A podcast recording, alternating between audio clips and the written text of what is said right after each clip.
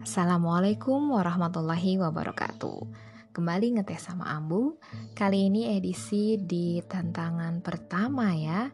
Challenge yang ibu profesional eh, berikan di perkuliahan Bunda Sayang Di zona yang pertama yaitu komunikasi produktif.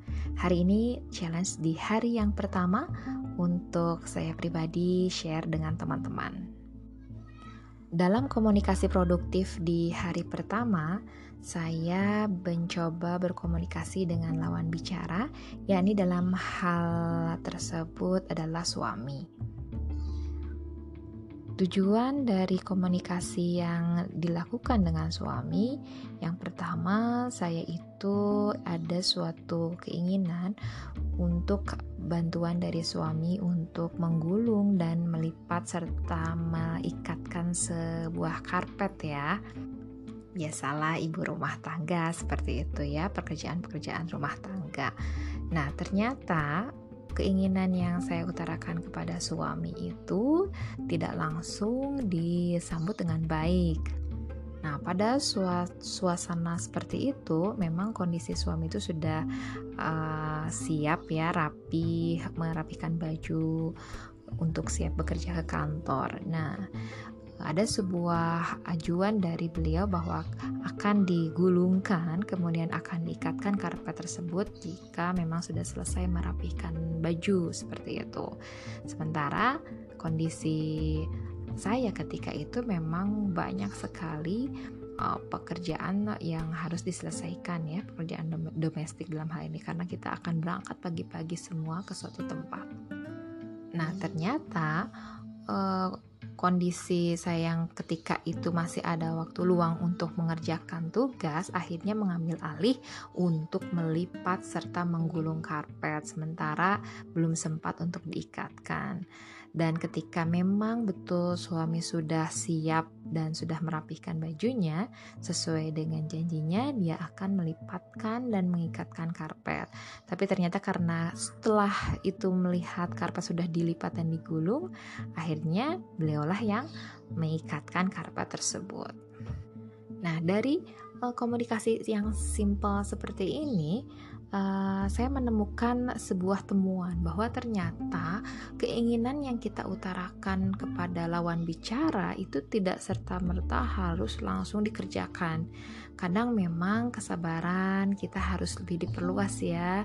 Kemudian keinginan kita untuk uh, langsung dikerjakan apa yang kita inginkan juga harus diberikan ruang terlebih dahulu bahwa ternyata setiap orang itu memang memiliki agenda juga yang harus dikerjakan. Dan ini adalah tantangan juga bagi saya sendiri gitu ya bahwa dalam berkomunikasi itu butuh prolog, butuh uh, awalan kenapa kita ingin uh, suami ataupun lawan bicara itu segera melakukan keinginan kita ya. Walaupun singkat walaupun sederhana prolog itu memang diperlukan.